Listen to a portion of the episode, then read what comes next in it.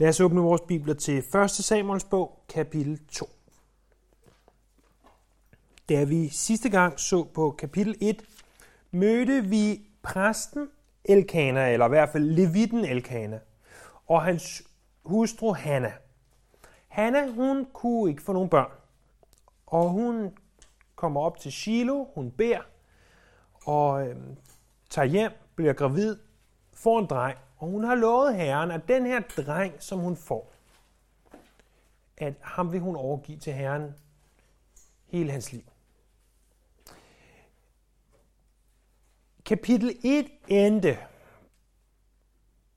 noget følelsesmæssigt. Måske husker du, at Hanna tager sin cirka treårige dreng op til tabernaklet, templet, om du vil, i Shiloh, og aflevere ham. Og, og vi talte sidste gang om, kan vide, hvad der er gået igennem hovedet på, på Hanna, på Samuel, eller for den sags skyld på ypperste præsten Eli. I det, at, at Samuel bliver sat af der, for at skulle tjene Herren hele sit liv. Det er den forbindelse, at hun beder den bøn, vi skal til at høre. For de er der måtte være så privilegeret at være forældre, eller endnu mere så privilegeret at være mødre, så, så prøv at sætte jer i hans steder for, for os, skråstrej jer andre, så, så prøv alligevel bare at tænke, jeg ved, hvordan det ville være, hvis det var mig. Der var den mor, der lige havde overgivet det, jeg ønskede allermest til Herren, for at kun at se ham måske en gang om året. En dreng var det, som Hanna ønskede sig mere end noget andet. Og nu havde hun parkeret ham. Flere dagsrejser, eller i hvert fald en dagsrejse, væk fra hvor hun boede.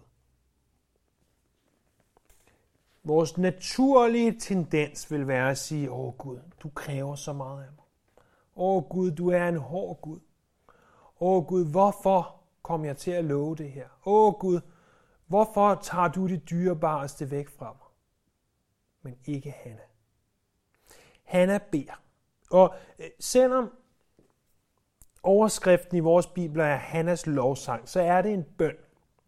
Hannas lovsang er ikke nogen dårlig titel, som den danske bibel har givet den, fordi det er meget tænkeligt, at den her bøn rent faktisk var en sang. Kunne vi læse hebraisk, så vil vi se, at, at den er øh, på vers. Ikke den type vers, vi kender, hvor at, at vi rimer, øh, men den hebraiske type vers, hvor de ikke rimer på øh, endelser i ord og så videre, som vi gør, men snarere rimer på idéer. Som for eksempel vers 2, ingen er hellig som Herren, der er ingen uden dig, ingen klippe som var Gud. Hvor det samme bliver sagt øh, på flere forskellige måder fra flere forskellige vinkler. Så vi vil kunne se, at det, det var måske en sang, det havde i hvert fald øh, form af, af poesi. Der er også flere ligheder imellem de første 10 vers, som er, udgør Hannas lovsang, Hannas bøn, og så Marias lovsang i Lukas kapitel 1, vers 46-55. Til sidst så finder vi også en sang, en bøn her i begyndelsen af 1. Samuel. Når vi når til slutningen af 2. Samuel, så finder vi også en bøn på det tidspunkt, en bønskrådstræk-sang på det tidspunkt af David. Og, og der er også flere ligheder mellem de to. Og øh, vi husker jo, som vi talte om sidste gang, at første og anden Samuel bog, Samuels bog i den hebraiske bibel, var en bog. Så i begyndelsen af den her ene bog om bærende navnet Samuel, og i slutningen af den her bog, bærende navnet Samuel, er der altså en, en lovsang til Herren.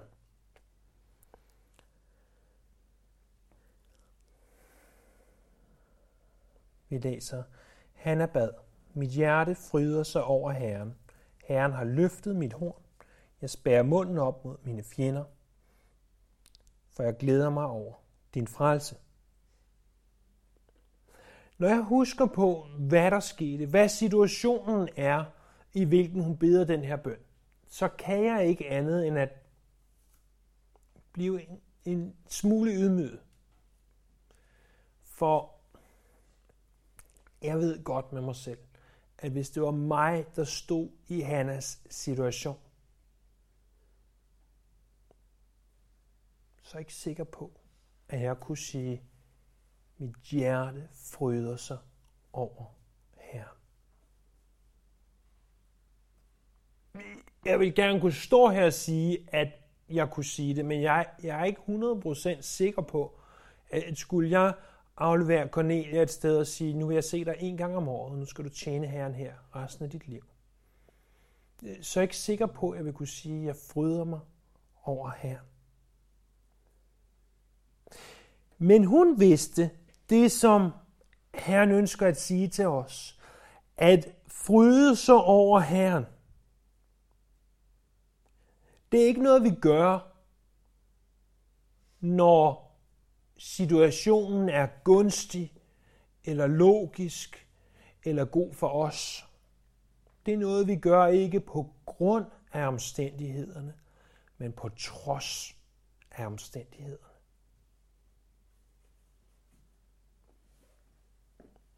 Derudover så bliver vi også nødt til at tilføje, som vi talte om sidst, at hun kan fryde sig over Herren, fordi hun ved, at en dag sammen med Herren er bedre end tusind, jeg selv har valgt. En dag i tabernaklet, en dag i tjeneste for Herren er bedre end alt andet. Og hun siger altså, at jeg fryder mig over Herren, mit hjerte fryder sig over Herren, og hun siger, Herren har løftet mit horn. Og det siger hun ikke fordi, at hun er begyndt at blive til en trold eller andet. Det siger hun, fordi at hornet i Bibelen er et symbol på styrke.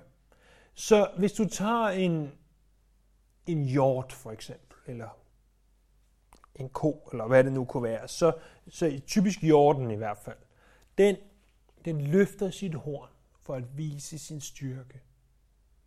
At, at når den rejser hovedet, og hornet står op, øh, så viser den, at jeg er stærkere end dig, anden hjort, hvis horn ikke er lige så stort og stærkt. Så øh, Herren er hendes styrke midt i trængsel. Og det håber jeg også, at du ved. At enten når, når Gud kalder os til det, som er svært, som var tilfældet for Hanna, eller blot at situationen, omstændighederne i vores liv er vanskelig, så er det Herren, der er vores styrke. For snart en, en del år tilbage, øh, da, jeg, da jeg boede ude på, på Solsortvej, der øh, vidste jeg ikke, hvad det vil sige at stå tidligt op om morgenen, så jeg stod i, i badet den morgen og, og sagde, åh herre, vil du ikke nok give mig styrke i dag? Jeg er så træt, og jeg skal på arbejde, og jeg kan slet ikke klare han mindede mig meget, meget klart og tydeligt om en ting og sagde, jeg vil ikke bare give dig styrke, Daniel. Jeg vil være din styrke. Det er en ting at give styrke, det er en anden ting, at han er vores styrke. Gud ønsker at være din styrke, uanset hvad du måtte gå igennem i aften. Uanset om du måtte befinde dig i dødskyggens dal, så ønsker han at være din styrke. Øh, uanset om øh, vi har en lejlighed, der skal sættes i stand på en weekend, uanset om eksamen venter på den anden side, så ønsker han at være din styrke.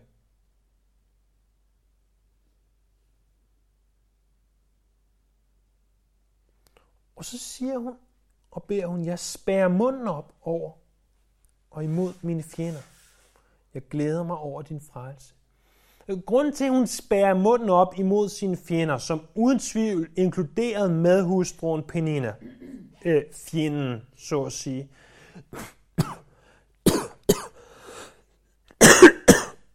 så spærer hun ikke munden op for at håne sine fjender, men for at prise Gud for frelsen.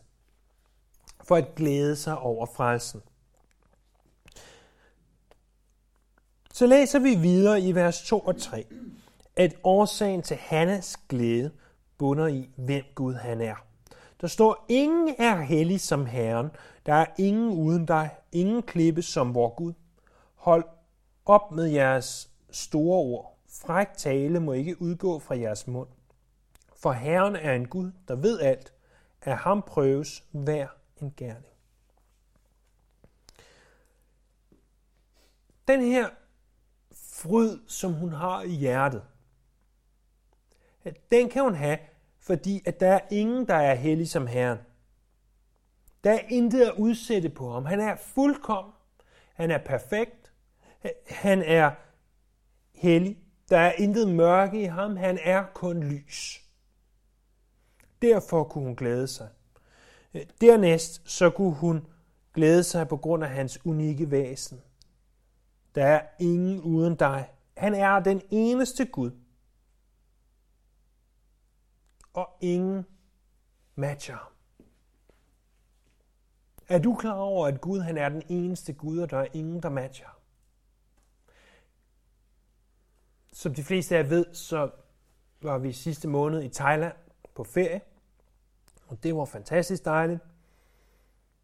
Bortset fra turen derned og turen hjem igen, det er altid en prøvelse, når man skal ombord på et fly. Og så står vi der i lufthavnen i, i Krabi, Thailand. Og så er der et skilt. Og det kunne ikke lade være med at få mit hjerte til at fryde sig, det her skilt. Der stod på, på skiltet noget i retning af, at man ikke måtte eksportere Buddha-figurer. Øh, at man må ikke eksportere kun hovedet af Buddha. Det var strengt forbudt. Det var simpelthen blasfemi. Og, og hvis man ville tage en Buddha-figur med hjem, så skulle man sørge for, at den var helt, og man skulle sørge for at gøre det for at tilbe Buddha-figuren. Så tænkte jeg, hvor er jeg lykkelig over, at jeg tilbeder en Gud, om hvem man ikke behøver lave restriktioner, om man må eksportere ham eller ej. For vores Gud, han er unik. Han er enestående. Han er den eneste Gud. Den eneste sande Gud. Alt andet er falske guder.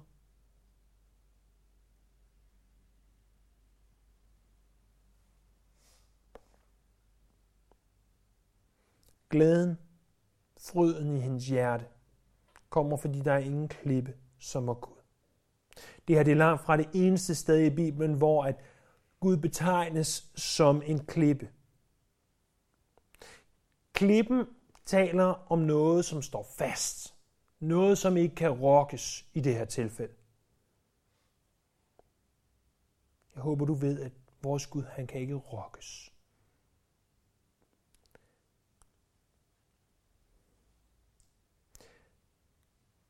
Den fryd, der er i hendes hjerte, den kommer. Fordi Herren er en Gud, står der i vers 3, der ved alt.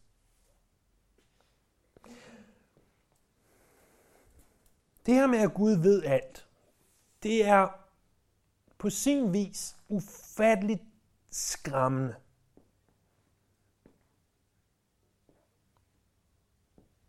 Fordi han ved godt, at du sidder og tænker på noget helt andet lige nu. Men på den anden side, så er det også til ufattelig stor trøst. Fordi den ene ting, som du føler, du ikke kan dele med noget andet menneske, det ved han godt. Det, som knuger dit hjerte, som tynger din sjæl, det ved Gud. Han ved det. Du har altid i det mindste en, med hvem du kan dele alting. Han ved alt. Det behøver ikke være noget skræmmende, for han ved godt, at vi er ufuldkommende. Han ved, hvad du tænker. Han ved, hvad der tynger dit hjerte. Og når han alligevel ved det, hvorfor er det så, at vi ikke bare kan blive enige om at tage det til ham i, i bøn og sige tingene, som de er? Hvorfor er det, vi tror, at vi kan gå og gemme på den her ene ting, som er en mørk plet på vores hjerter? Hannas hjerte fryder sig over Herren, fordi Herren er retfærdig. Der står også i vers 3, hold op med jeres store ord. Fræk tale må ikke udgå fra jeres mund. Herren er en Gud, der ved alt. Og så siger han, at ham, hun, af ham prøves hver en gerning. Så når Penina med hustruen hånede Hanna, så ved Hanna, at hver en gerning, hver en ting, som hun håner mig for, det vil blive prøvet af Herren. At du behøver ikke kæmpe dine egne kampe. Du kan lade Gud kæmpe for dig.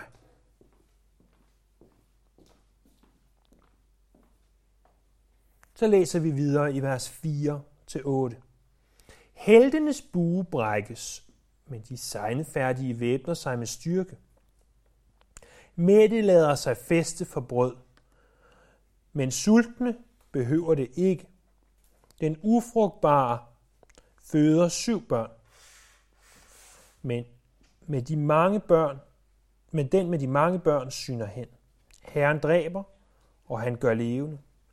Han sender ned i dødsriget, og han henter op derfra. Herren gør fattig, og han gør rig. Han ydmyger, og han ophøjer. Fra støvet rejser han de svage, for skarnet løfter han de fattige. Han sætter dem blandt fyrster og giver dem hederspladsen. Så stopper vi der midt i vers 8. I lyset af, at Herren vil prøve hver en gerning i vers 3, så ser vi her syv kontraster. Vi ser den stærke og den svage, vi ser den mætte og den sultne, den frugtbare, den barnløse, den levende, den døde. Vi ser den raske og den syge, den rige og den fattige, den ophøjede og den ydmyge. Jeg vil godt give et par kommentarer om de her vers, der er udtryk i de her vers, som det ikke er sikkert, I alle eller vi alle kender. Øh, så blot for at være sikker på, at vi nogenlunde ved, hvad ordene betyder. Øh, der står, at i vers 4, at de sejne færdige. Altså de, der er lige ved at sejne, eller de, der er ved at falde om. Der står, at de skal væbne sig med styrke. At væbne sig betyder at, at klæde sig i. De klæder sig i styrke. Så heltenes buer, de brækkes, altså de er stærke, imod de sejne færdige, altså de, der er ved at styrte om. Et andet udtryk, som, som kan være svært at forstå, det er, at Mette lader sig i feste for brød. Måske husker du fra din skoletid ordet for festebønder. Det er, at man lader sig en slags slave. At man, man sælger i hvert fald i det mindste øh, sin tid, øh, sin arbejdskraft til andre. I, I vers 5, der ser vi også, at den ufrugtbare føder syv børn.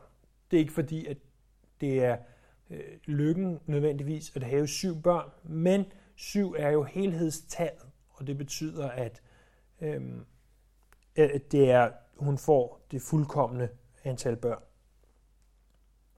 At hun er en god mor og en god en til at, øh, at føde eller få gode børn, selvom hun oprindeligt var ufrugtbar.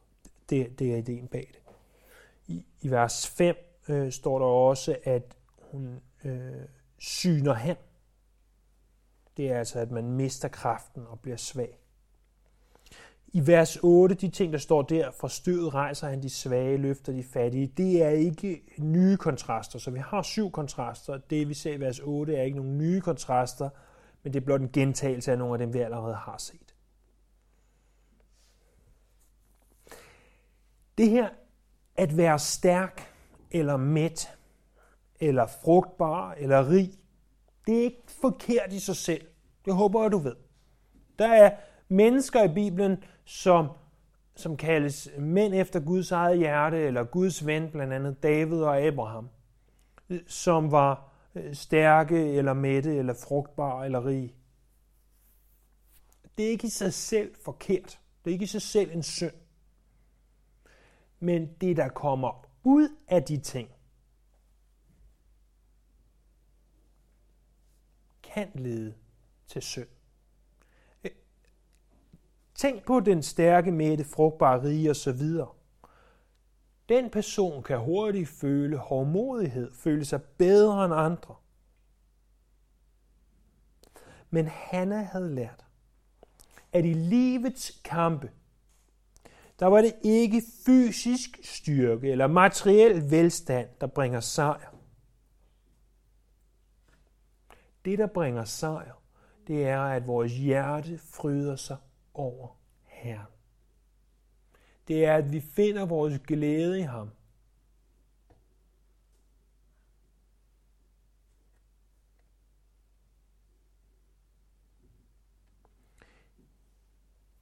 Fra lidt under midten af vers 8 og ned til vers 10, der ser vi, at Hanna hun profeterer. Står for jordens søjler tilhører Herren. Han satte jorden på dem. Han værner sine fromme, hvor de går, men ugudelige omkommer i mørket, for ingen sejrer ved egen kraft. Herrens modstandere forfærdes, den højeste tordner i himlen.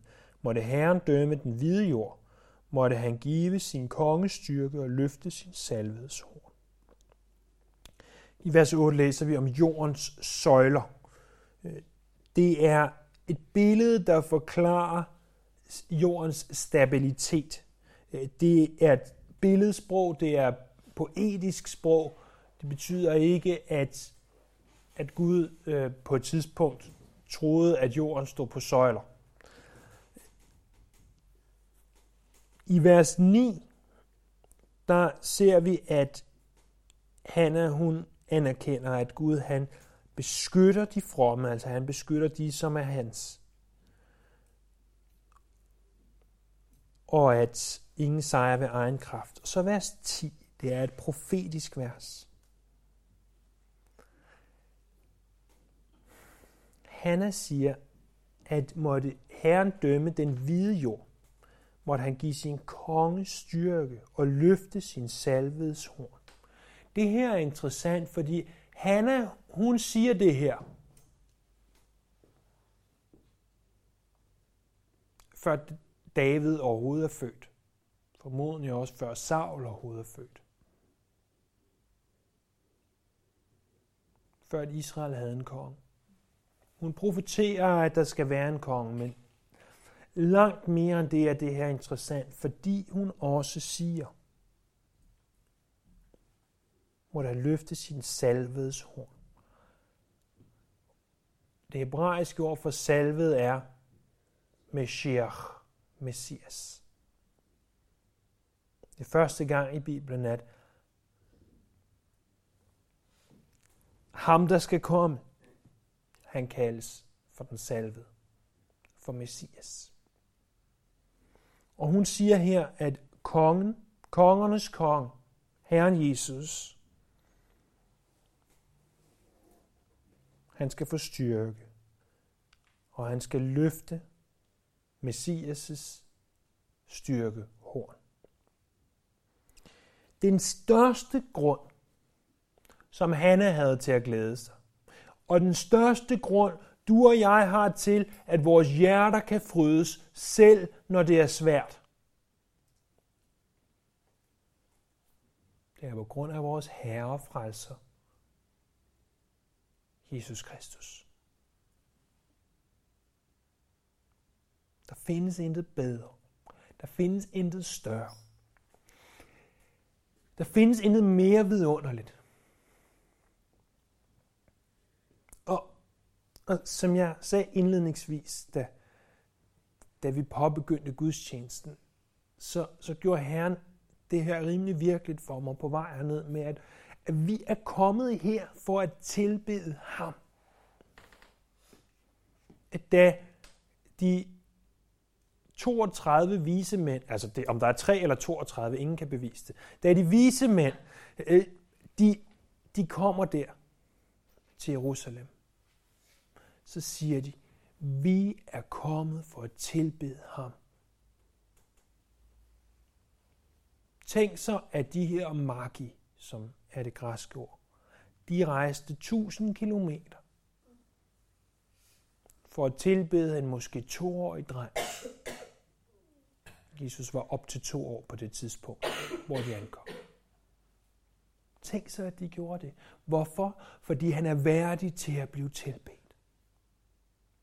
Og, og midt i, at vi læser og studerer Samuels bog, så håber jeg én ting. Det er, at hvis du har mistet den, så må du genfinde din glæde og din kærlighed til Jesus.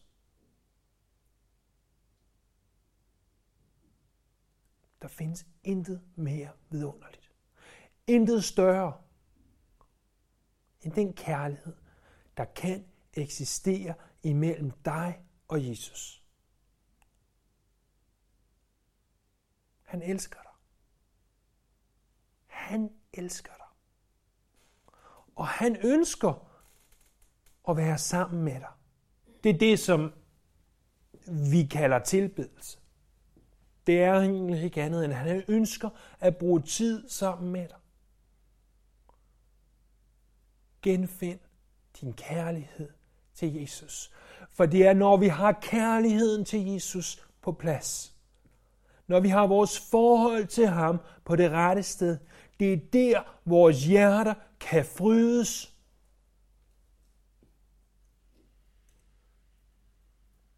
Selv når vi sætter Samuel af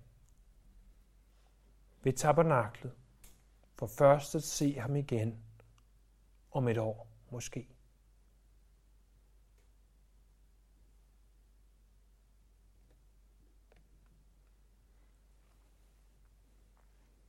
Han har bedt sin bøn. Det er tid til, at de skal hjem. Det er tid til at sige farvel. Og så siger vi, hun, eller så står der, så gik Elkana hjem til Rama, men drengen gjorde tjeneste for herren under præsten Elis tilsyn. Så Elkana og Hanna de drager hjem, og Samuel han forbliver i tjeneste for Herren. Til at begynde med har de opgaver, Samuel fik, været ganske simple. Han var trods alt kun omkring tre år. Så øh, det, det har været at, at samle skrald sammen og måske hente ting til, til de andre præster. Til at gøre de ting, han kunne. Men som årene gik, der blev opgaverne flere, og de blev større. Så kommer der en kontrast fra vers 12 ned til vers 17, hvor vi hører om Elis sønner. Eli er ypperste præsten. Elis sønner var ugudelige, så de ikke kendte Herren. Præsterne havde krav på dette hos folket. Hver gang en mand bragte et slagtoffer, måtte præstens tjener komme med en trægrenet gaffel i hånden. Mens kødet kogte, stak han gaflen ned i skålen eller krukken, eller kogekarret eller gryden, og alt efter hvad han fik med op på gaflen, tog, det tog præsten selv. Sådan plejede de at gøre over for alle israelitter, som kom til Shiloh.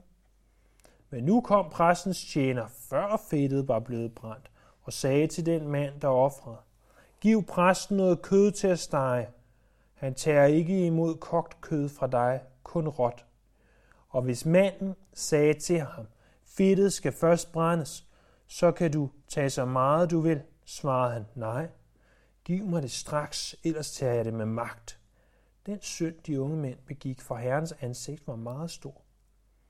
Da det var herrens offer, de viste foragt for. Så vi har på den ene side den lille dreng Samuel. På den anden side har vi ypperste præstens sønner.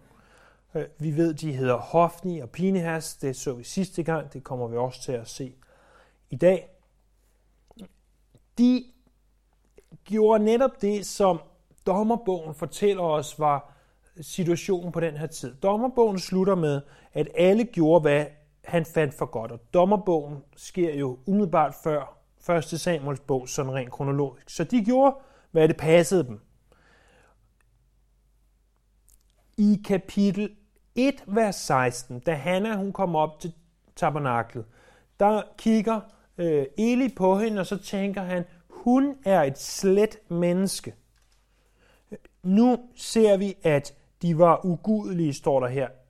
Så Eli ser på den ene side Hanna som et slet menneske.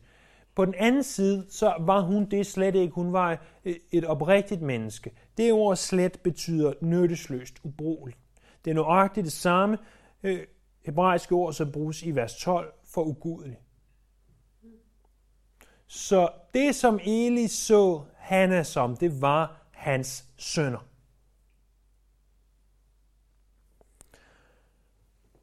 Præsterne havde ret til at få noget af kødet. Det læser vi om blandt andet i 5. Mosebog kapitel 18, vers 3. Men faktisk var det sådan, at fedtet skulle brændes først. Det læser vi om i 3. Mosebog kapitel 7, vers 31. Men det gad de ikke vente på, så de fik nogle tjenere til at gå hen og tage kød, før at det var brændt, før at det var kogt, og ikke efter de her måder, som de nogle gange brugte. De tog ikke Herrens offer seriøst. Så læser vi videre i vers 18-21, at Samuel gjorde tjeneste for Herrens ansigt, skønt han kun var en dreng. Så var han iført en lindet efod. Hvert år lavede hans mor en lille kappe, som hun tog med op til ham, når hun sammen med sin mand drog op for at bringe det årlige slagtoffer. Eli velsignede Elkanah og hans kone og sagde, Herren giver dig børn med denne kvinde i stedet for ham, der kom til at tilhøre Herren. Så gik de hjem, og Herren tog sig af Hanna, og hun blev gravid. Fødte tre sønner, to døtre, men den lille Samuel voksede op hos Herren. Så Samuel går rundt i tabernaklet og gør tjeneste, og han får lov at få den her linnede efod på. Efoden var en speciel klædning. Det kunne være to forskellige ting, tre forskellige ting sådan set. Det kunne være en slags guldvest, om du vil, som øh, ypperste præsten bar. Det kunne også være en blå kappe eller kåbe, som han havde inden under den her guldvest. Det var kun ypperste præsten. Derudover så bar præsterne også en efod. Og i særlige tilfælde ser vi også, at andre, som ikke var præster, blandt andet David, øh, bar en, en efod, altså den her øh, specielle kappe. Selvom Hanna hun ikke fik lov at være ret meget sammen med Samuel, så var Samuel stadig i hendes hjerte. Så hver år, når hun kom derop, så tog hun altså øh, yderligere et stykke tøj med til ham, og hun gav ham den her øh, lille kappe, står der. Og, og hun kommer til den og giver ham den. Og præsten Eli velsigner så Elkanah og hans kone og siger, at nu må I få nogle børn i stedet for dem, som I har, har øh, lånt til eller givet til, til herren. Og det får de så, de får tre sønner og to døtre.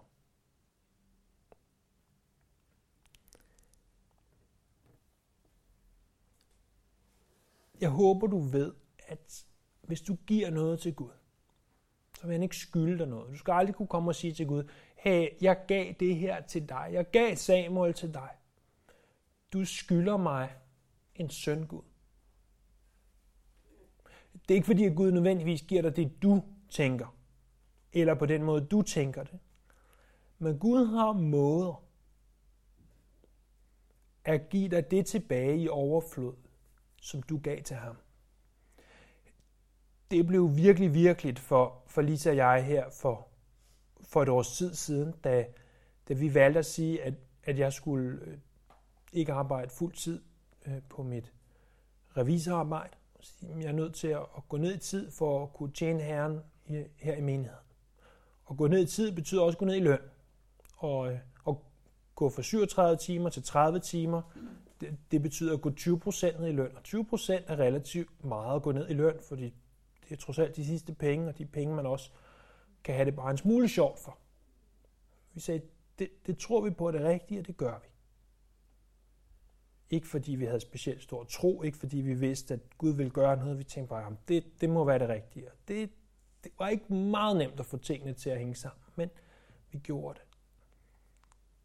Og Gud er så trofast. Inden for, for ganske få måneder, så viste der sig muligheder, der gjorde, at jeg, jeg, jeg har ikke 100% regnet på det, men jeg tror, at vi har på bundlinjen flere penge til os selv i dag, end vi havde, da jeg arbejdede 37 timer om ugen. så trofast er Gud.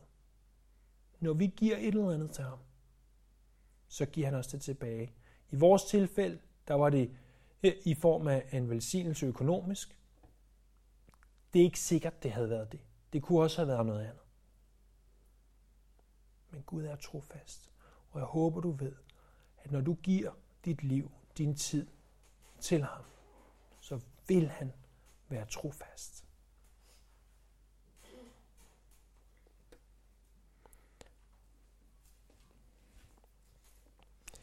Så læser vi videre i vers 22 ned til vers 26. Eli var nu meget gammel, da han hørte, hvordan hans sønner bar sig ad over for alle israelitterne, og at de lå med de kvinder, der havde deres arbejde ved indgangen til åbenbaringsteltet. Så sagde han til dem, hvorfor bærer I jer sådan ad? Fra hele folket hører jeg, hvor ondt I handler. Hold op med det, mine sønner. Det er ikke noget godt rygte, jeg hører. Herrens, jeg hører Herrens folk udbrede om jer. Hvis en mand synder mod en anden, kan Gud male, men hvis han synder mod Herren, hvem skal så optræde som maler? Men de hørte ikke på deres far, for Herren havde besluttet, at de skulle dø. Den lille Samuel blev stadig mere vældigt, både af Herren og af mennesker. Så Hofni og Pinehas, Elis sønner, de var øh, ja, ikke hverken Elis eller Guds bedste børn. De gik hen til tabernaklet, hvor der var kvinder, som, som muligvis tjente, muligvis tilbad. Det kunne sagtens være, de tjente. Vi læser om sådan noget i 2. Mosebog, kapitel 38, vers 8, og har, har simpelthen øh, samleje med de her kvinder. Og, øh, og udnyttede ganske simpelt situation. Og Elis begynder så at sige til dem, nu skal I høre, I er jo ikke noget godt vidensbyrd. Det kan I godt se. At tænk så, hvad andre folk siger om jer, og det her, det, det er ikke godt. Og nu har I jo syndet mod Herren, og når I synder mod Herren, så er der ikke nogen mellemmand. Fordi hvis nu I bare syndede mod andre mennesker, så kunne Herren stå imellem jer og de andre mennesker. Men hvem skal stå imellem jer og Herren? Eli, han så ikke det, som, som vi kan se. Øh, første øh, Johannes 2.1, at, at hvis vi synder, så har vi en, en mellemmand. Så har vi en advokat, der står imellem os og faderen, nemlig Jesus Kristus.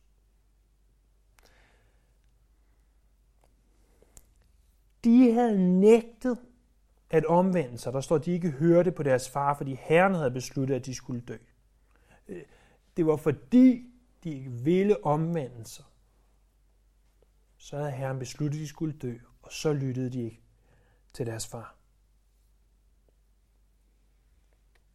Så ser vi så i resten af kapitlet, vers 27 og ned til vers 36. Der kom en gudsmand til Eli og sagde til ham, Dette siger Herren, jeg har åbenbaret mig for dit fædrene hus, dengang de i Ægypten tjente faraos hus. Af alle Israels stammer udvalgte jeg dem til at være præster for mig, og til at sige op på mit alter, bringe røgelsesoffer og bære efod fra mit ansigt. Og jeg tildelte mit, dit fædrene hus øh, alle israelitternes ofre. Hvorfor viser I da ringeagt for de slagtoffer og afgrødeofre, som jeg har påbudt i min bolig? Og hvorfor ærer du dine sønner mere end mig? Så I mesker jer med det bedste af alle de offergaver, som mit folk Israel bringer. Derfor siger Herren, Israels Gud, nok har jeg sagt, at dit hus og dit fædrenhus altid skal have gang for mit ansigt. Men nu siger Herren, det skal ikke ske. Kun dem, der ærer mig, vil jeg ære, men de, der ringeagter mig, skal blive til skam. Den tid skal komme, da jeg hugger armen af dig og dit fædrenhus, så ingen i dit hus skal blive gammel, og du skal se med misundelse på alt det gode, jeg gør imod Israel. Men i dit hus skal ingen nogensinde blive gammel. Kun en enkelt af din slægt vil jeg undlade at udrydde fra mit alter, og jeg slukker lyset i dine øjne og tager livskraften fra dig. Alle andre i din slægt skal dø i deres bedste alder, og det, der rammer dine to sønner, Hofni og det, der rammer dine to sønner, Hofni og Pinehas, skal være, der er et tegn. De skal begge dø på samme dag men jeg vil lade en trofast præst fremstå, som skal handle efter mine ønsker og mit vilje. Til ham vil jeg bygge et hus, der står fast, og han skal altid have sin gerning for min salvedes ansigt. Der skal alle, der er tilbage i dit hus, komme og kaste sig ned for ham, for at få en skilling eller et stykke brød. Og de skal sige, lad mig dog få plads i et af præsteskaberne, så jeg kan få lidt at spise. Så der kommer den her gudsmand til Eli. Det er et andet ord for en profet. Og, og gudsmanden, han siger, hvad Gud har sagt til ham. Og han begynder at fortælle om Arons hus, og hvordan Gud har gjort i Arons hus, og så fortæller han, hvad der skal ske med Elis hus. Det var sådan, at ypperst, den første ypperste præst, Aaron, han øh, fik to, eller han fik flere sønner, men to af dem var i relation til præsteskabet, nemlig Eliezer og Itamar. Og øhm, egentlig var det Eliezer, der først var præst, men, men Eli han nedstammer fra Itamar, så den anden øh, søn. Men det, som der sker her med, hans, med Elis sønner, det gør, at præsteskabet bliver flyttet fra Itamar tilbage til Eliezer slægt. Hvis du ikke kan huske det i quizzen bagefter, så går det nok. Øhm, men det, som, som jeg bare vil have, at du skal vide, det er, at de her ting kommer til at ske. Vi læser om dem senere. Der går mange år, de sker. Det er først i første kongebog, kapitel 2, at det her kommer til at ske.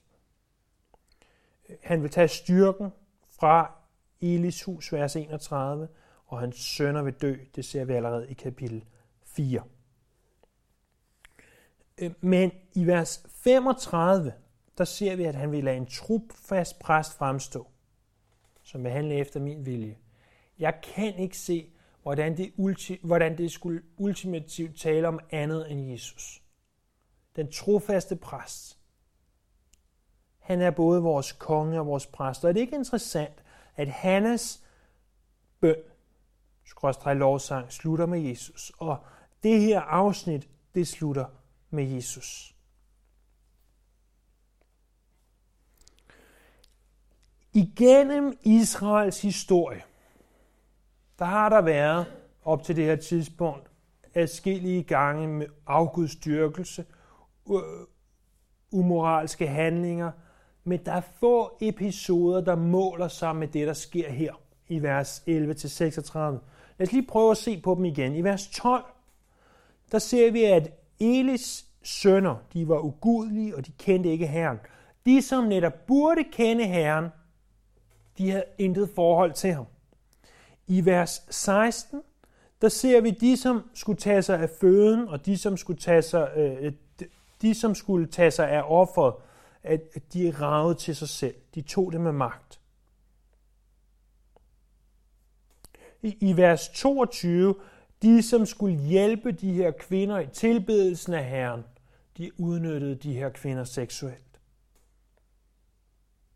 I vers 25, de som egentlig skulle være mellemmænd imellem folket og Gud, de havde selv behov for en mellemmand.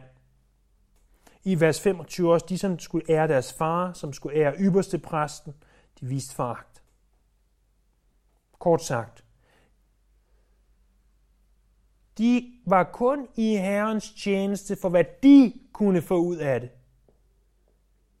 De var kun i Herrens tjeneste øh, for, hvad de kunne rave til sig, ikke for, hvad de kunne give til andre mennesker. Eller sagt på en anden måde, de, som var kaldet til at være jordens salt, de havde mistet deres kraft.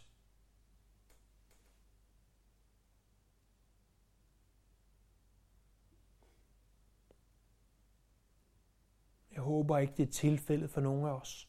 Jeg håber ikke, at det er tilfældet for dig eller for mig, at vi mister vores kraft. Vi mister vores effektivitet for Herren. At vi begynder at gøre ting, der ødelægger vores vidensbyrd, således at vi ikke længere er salt i den verden, vi bor i. I stor kontrast hertil ser vi i vers 11, at Samuel gjorde tjeneste for Herren. I vers 12, at han gjorde tjeneste for Herrens ansigt, selvom han var en dreng. Og i vers 26, at Samuel blev stadig mere og mere vældigt, både af Herren og af mennesker.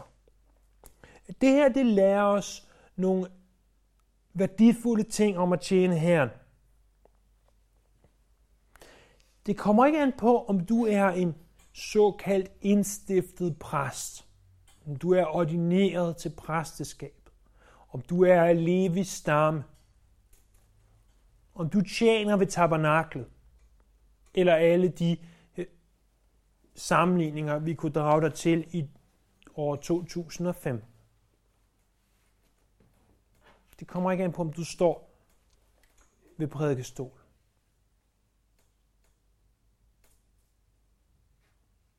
For at du skal tjene Herren.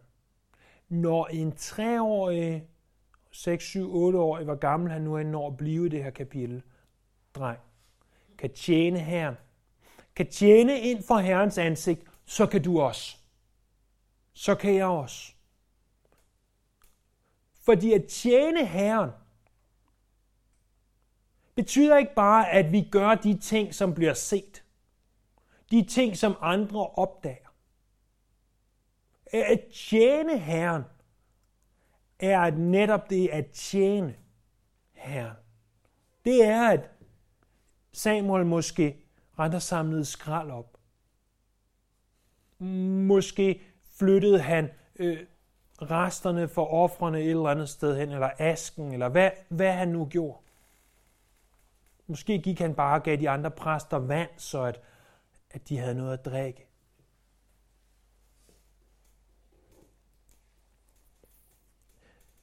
At du er ypperste præstens søn, så at sige, har intet at sige for, om du er en god herrens tjener. En god herrens tjener er en, der tjener. Det fortæller mig også en anden ting.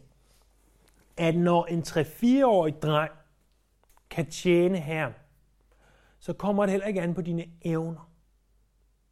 Hvis du siger, ah, jeg kan ikke så meget. Kan ikke spille guitar, jeg kan ikke prædike,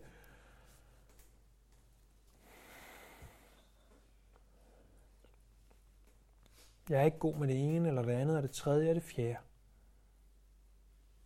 Når en 3-4-årig dreng kan tjene her bedre end de her ypperste præstens sønner, så kommer det ikke an på vores evner. Så kommer det an på din villighed til at tjene Herren. Og hvis du er villig til at tjene Herren, så kan du. Men det kræver, at vi er villige, ligesom Samuel var villig. Lad os bede sammen. Tak, Jesus, for at vi bliver mindet om de ting, vi nu engang bliver mindet om i det her kapitel. At vores kærlighed til dig er det vigtigste og at vores tjeneste at dig ikke kommer an på, hvem vi er og hvad vi kan, men at vi er villige. Og her, hvis nogen af os her i aften sidder her med en lunken kærlighed til dig, så pust nyt liv i flammerne.